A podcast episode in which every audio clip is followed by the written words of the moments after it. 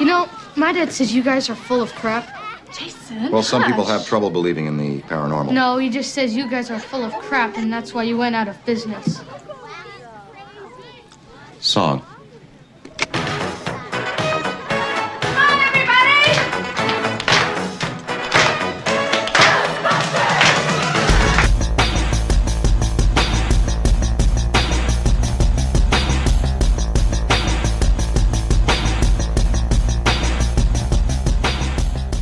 Velkommen i kassen med David Bjerre, så har vi fat i Ghostbusters rebootet Ghostbusters Afterlife fra 2021. Killer replica. Totally. A replica of what? Trap. A ghost trap? Seriously? How do you, of all people, not know about this? I'm ashamed. I was obsessed. New York in the 80s? It's like The Walking Dead.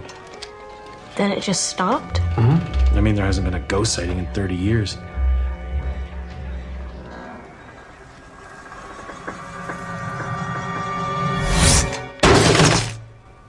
Wait a minute. This thing is real? Absolutely. I found it in my living room. She lives on the dirt farm. Oh, the really spooky one? Yeah, the one that says dirt on it. What happened in New York? The whole city was freaking out. And then these physicists showed up with these portable proton accelerators and blew the roof off of Manhattan high rise. None of this rings a bell? It happened 20 years before we were born. I believe it. Der er nogen, der argumenterer for, at nostalgi i visse former kan være meget farligt. Og det er nok også rigtigt, at hvis man går sådan altid går og tror, at fortiden var bedre, så, så er det måske nok ikke en skide produktiv ting, altså hverken mentalt eller fysisk. Og måske er det også værd at huske, at øh, man måske ikke altid husker fortiden, så som den reelt var. Måske, øh, måske laver man lidt om på det i sit hoved. Så, øh, men altså, nostalgi kan altså også godt være en god ting nogle gange. Og nu hvor vi er på vej ind i det tredje år med coronaepidemien, så er det måske okay at minde sådan lidt bedre tider i verden. Det, det, det, er måske okay for eksempel at gå tilbage til 80'er-filmene og genopleve noget af den gode stemning, som de havde dengang. Og det er, det er jo så, så, så populært med de her åh så mørke øh, remakes og reboots af film og sådan noget, men altså måske alt ikke behøver at være darkier og nightier. Måske, måske er det okay også at huske på sådan noget af det lidt mere, nogle af de lidt mere lyse stunder, om jeg så må sige.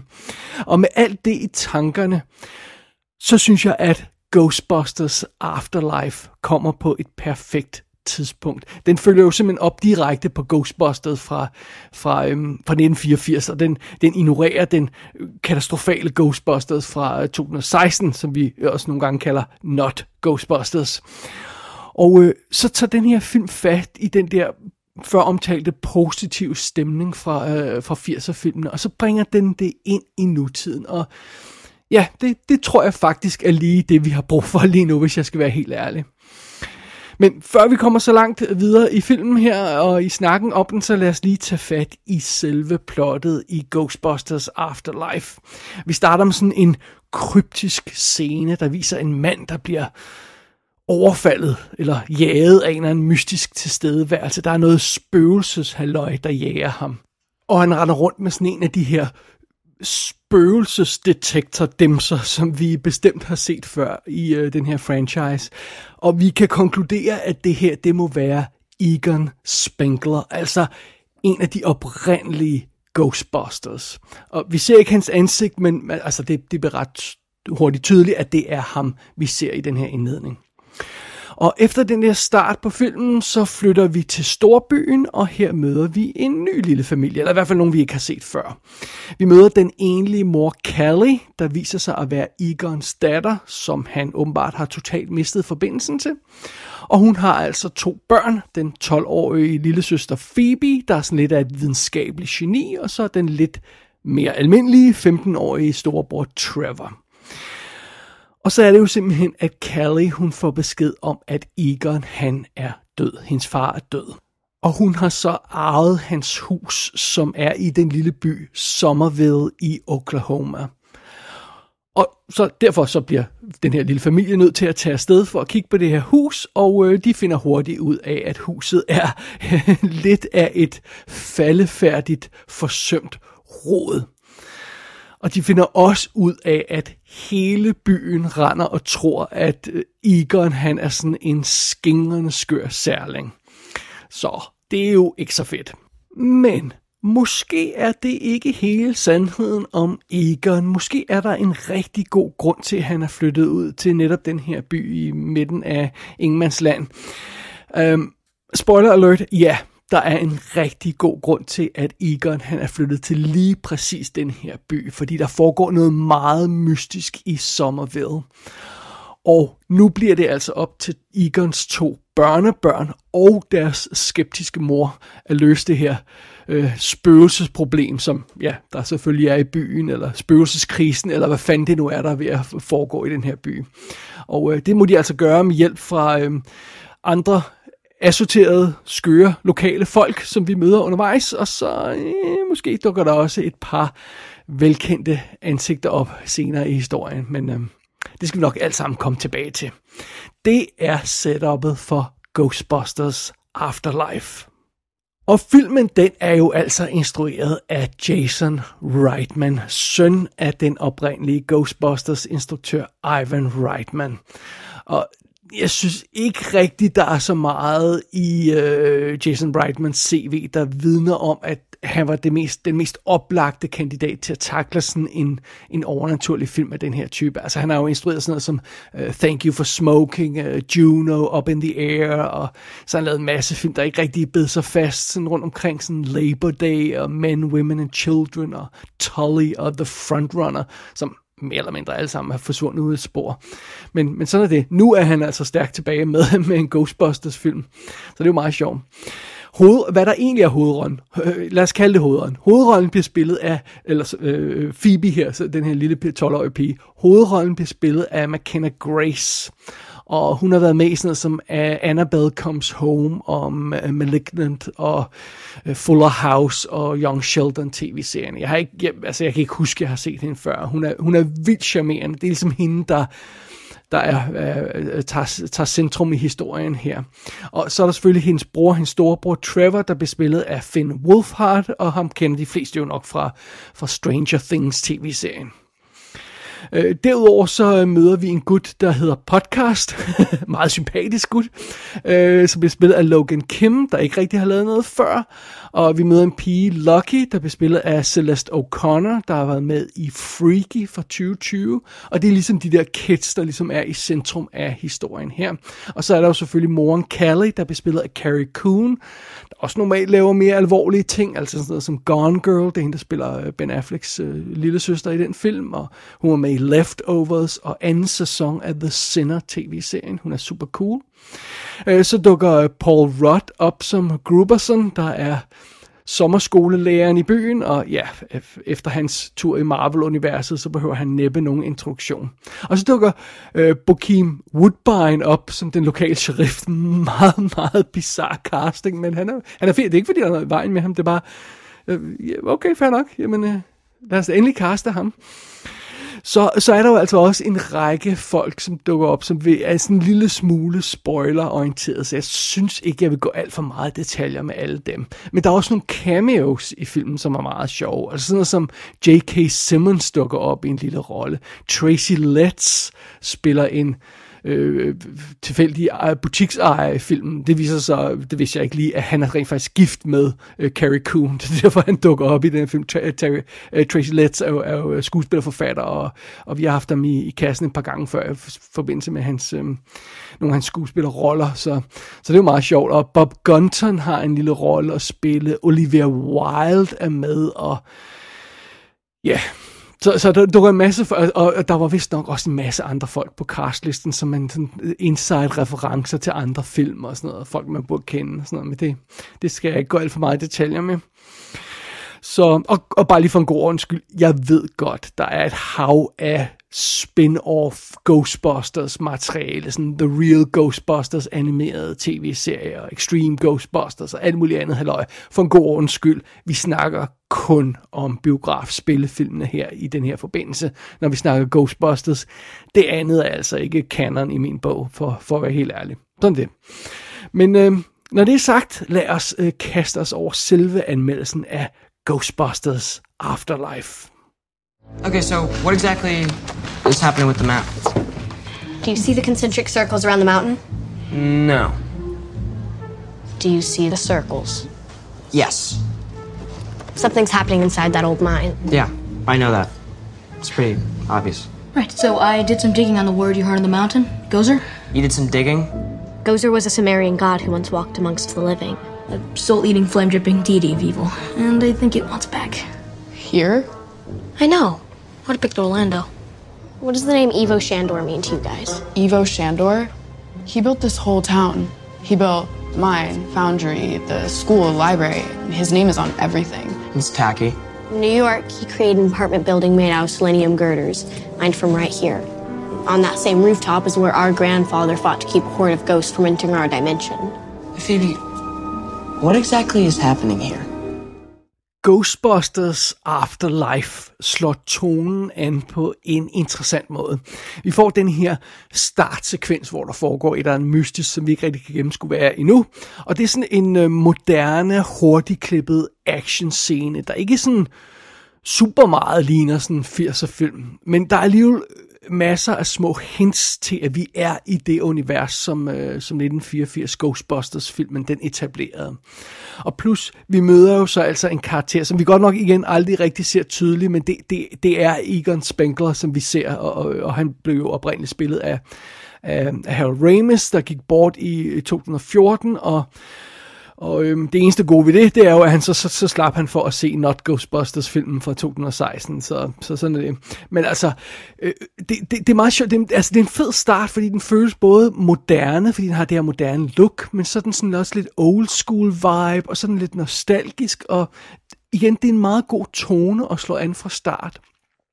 Efter det, så møder vi så øh, de her nye karakterer, den her nye familie, moren og de to børn, og de flytter så til den her lille by i Oklahoma, og næsten øjeblikkeligt, så har filmen fat i den der klassiske 80'er Amblin stemning, altså de her Spielberg-producerede film, sådan, som han måske ikke selv har instrueret, men sådan noget øh, Goonies og, og, og Poltergeist og sådan noget. Den der stemning fra de film. Og øhm, Øh, når vi begynder at bevæge os rundt i den her by, som jo sådan hænger lidt fast i fortiden, fornemmer vi, så, så men, blev også totalt mindet om uh, American Graffiti fra 1973, altså George Lucas film. Øh, der var sådan det her gammeldags uh, by-stemning over det, og, og uh, det er meget sjovt, fordi filmen har det her lækre, moderne look, men så har den samtidig også det her, den her vibe, der leder tankerne hen på, på 1984-film og øh, 80'er-film generelt. Øhm, den virker fræk, og den virker up-to-date, men den har hele tiden de her nostalgiske hints til, til, til den oprindelige film. Og, øhm, og, og, og det er den perfekte det er simpelthen den perfekte øh, øh, tone at slå an fra start. Altså, øhm, kontrasten til Not Ghostbusters fra, fra 2016 er chokerende, fordi det her er sådan, man skal lave en ny Ghostbusters film. Det er lige sådan, man skal gøre. Den her, den her film har fat i det helt rigtige. Øhm, ja, næsten fra start. Og derudover, så er der jo selve historien. Øhm, hvis, hvis vi skal være helt ærlige, så er truslen i den oprindelige film fra 1984, det, det var faktisk ikke skidegod. Altså, det var lidt noget ævl.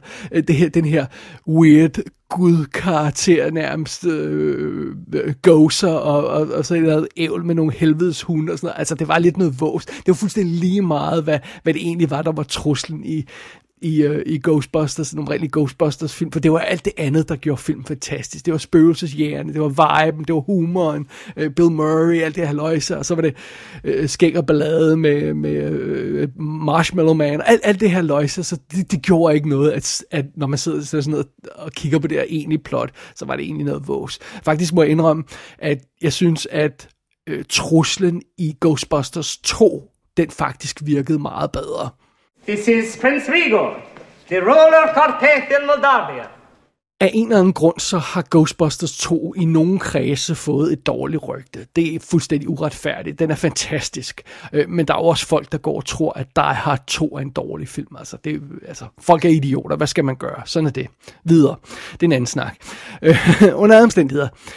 Selve historien her i Ghostbusters Afterlife, den overraskede mig lidt, fordi man kan, jo ikke, man kan jo ikke bare bygge en film videre sådan på, på ren nostalgi. Man bliver nødt til at have en eller anden kerne af en god idé, og det har Ghostbusters Afterlife faktisk. Men det, der var overraskende, var, at den rent faktisk hiver fat i ideen, i plottet fra den første film.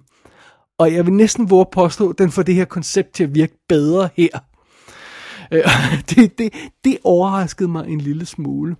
Øh, filmen starter sådan lidt som et mysterium. Øh, vi ved ikke rigtig, hvad der er, der sker i åbningsscenen der, og så, så øh, bygger den videre på det her mysterium et stykke tid, og hvorfor var det egentlig, Egon flyttede herud midt i ingenmandsland og, og, og Øh, og boede, og hvad er det for nogle mærkelige ting, han har gang i på den her gård, han, det her hus, han ejer og sådan noget. Og øh, øh, lille søsteren Phoebe, hun begynder sådan at rode videre i, i, hvad det egentlig er, der foregår i den retning der. Og øh, samtidig så sker der så også noget andet mystisk i byen her, og, og øh, der er sådan nogle mærkelige rystelser pludselig, og hvad fanden er det, der, der foregår der? Og så viser det sig, at Phoebes sommerskolelærer, som altså bliver spillet af Paul Rudd, han er seismolog, og han er også interesseret i de der rystelser, der foregår i, by, i byen, og det, det researcher de så videre på, og den, den, teori, øh, den tråd, den arbejder de videre på, Phoebe og, og, øh, og læreren der på Rod, og og imens så følger vi altså også storebroren øh, Trevor, der, der ikke har lige så meget stor rolle at spille i filmen. Han render også rundt og laver, laver noget. Han får en lille flirt med en lokal pige, og så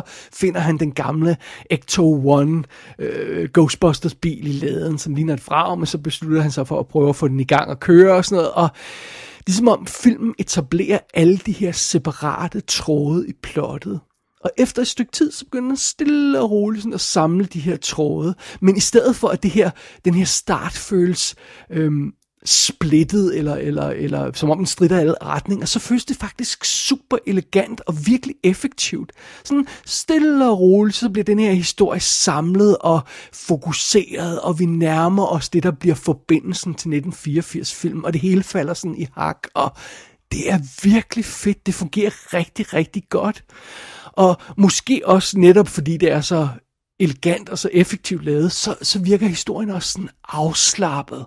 Der er sådan en, en, en, en fed, naturlig og, øh, Øh, og tålmodig stemning over filmen. Altså, det, det er som om, den skal ikke hele tiden stå på hovedet for at imponere os og lave alle de her åh, så smarte referencer. Det kommer sådan meget naturligt og elegant ind i, ind i historien. Og jeg kan ikke lade være med at tænke, tænk hvis en film som Matrix Resurrections havde kunne gøre noget lignende. Altså noget, der var så elegant og, og, og, og afslappet som det her. Altså den film, Matrix Resurrections, gjorde lige præcis alle de fucking irriterende ting, som en sequel kan gøre, som den her film ikke gør.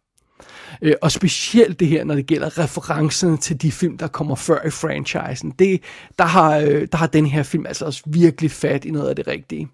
Fordi ja, naturligvis har Ghostbusters Afterlife en masse referencer til de foregående film, eller rettere i hvert fald til etteren, fordi jeg må indrømme, øh, nu har jeg kun set den her film en gang indtil videre, jeg tror, jeg skal gense den for at fange alle detaljerne, men jeg kunne ikke lige mindes, at øh, øh, der var nogle refer- direkte referencer til noget i Ghostbusters 2, men der er i hvert fald en masse referencer til Ghostbusters 1.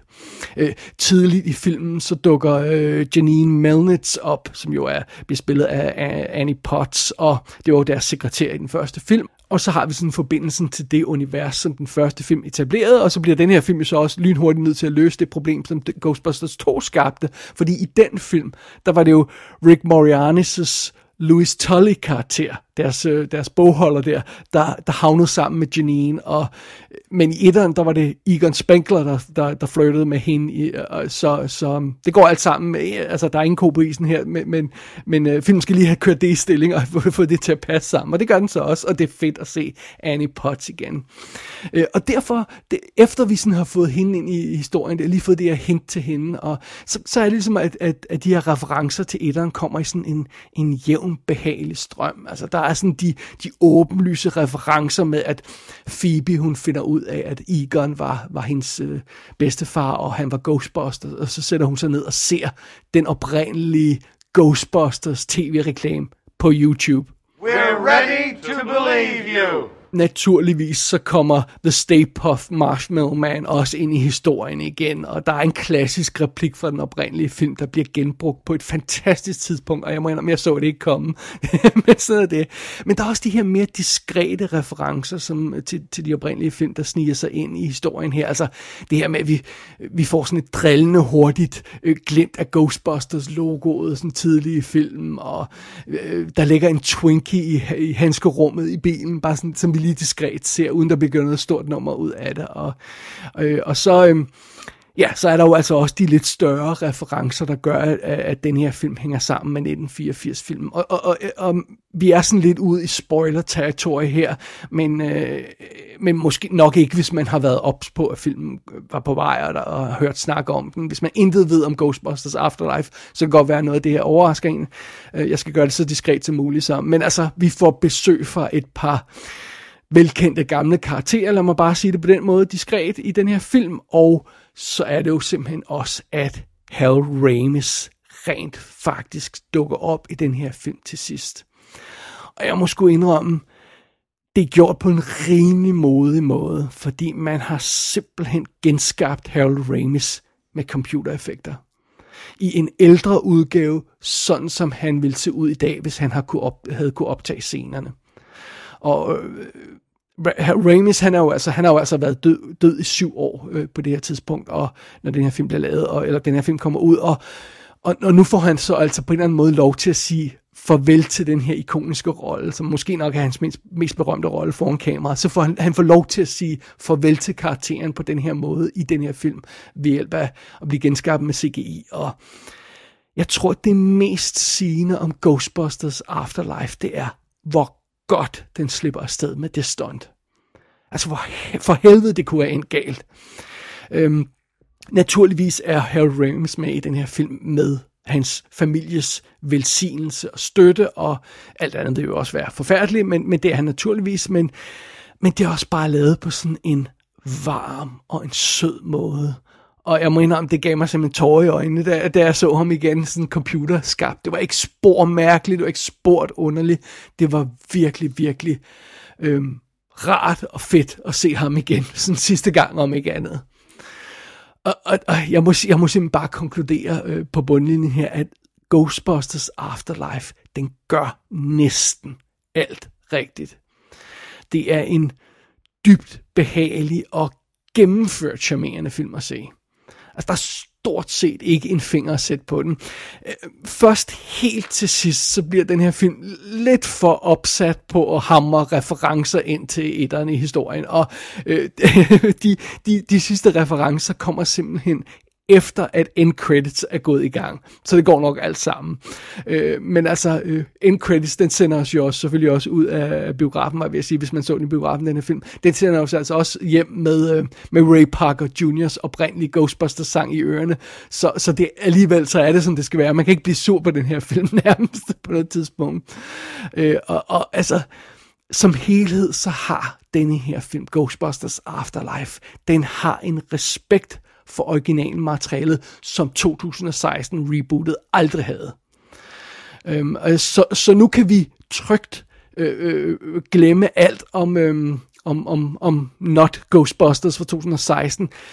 Ghostbusters Afterlife, det, øh, det kan simpelthen være den Ghostbusters reboot, vi alle sammen går og husker nu, og vi kan glemme alt om den anden film.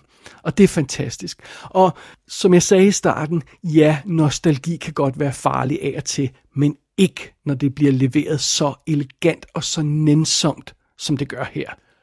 Når nostalgi er gjort på den måde, som Ghostbusters Afterlife gør det, så er det perfekt.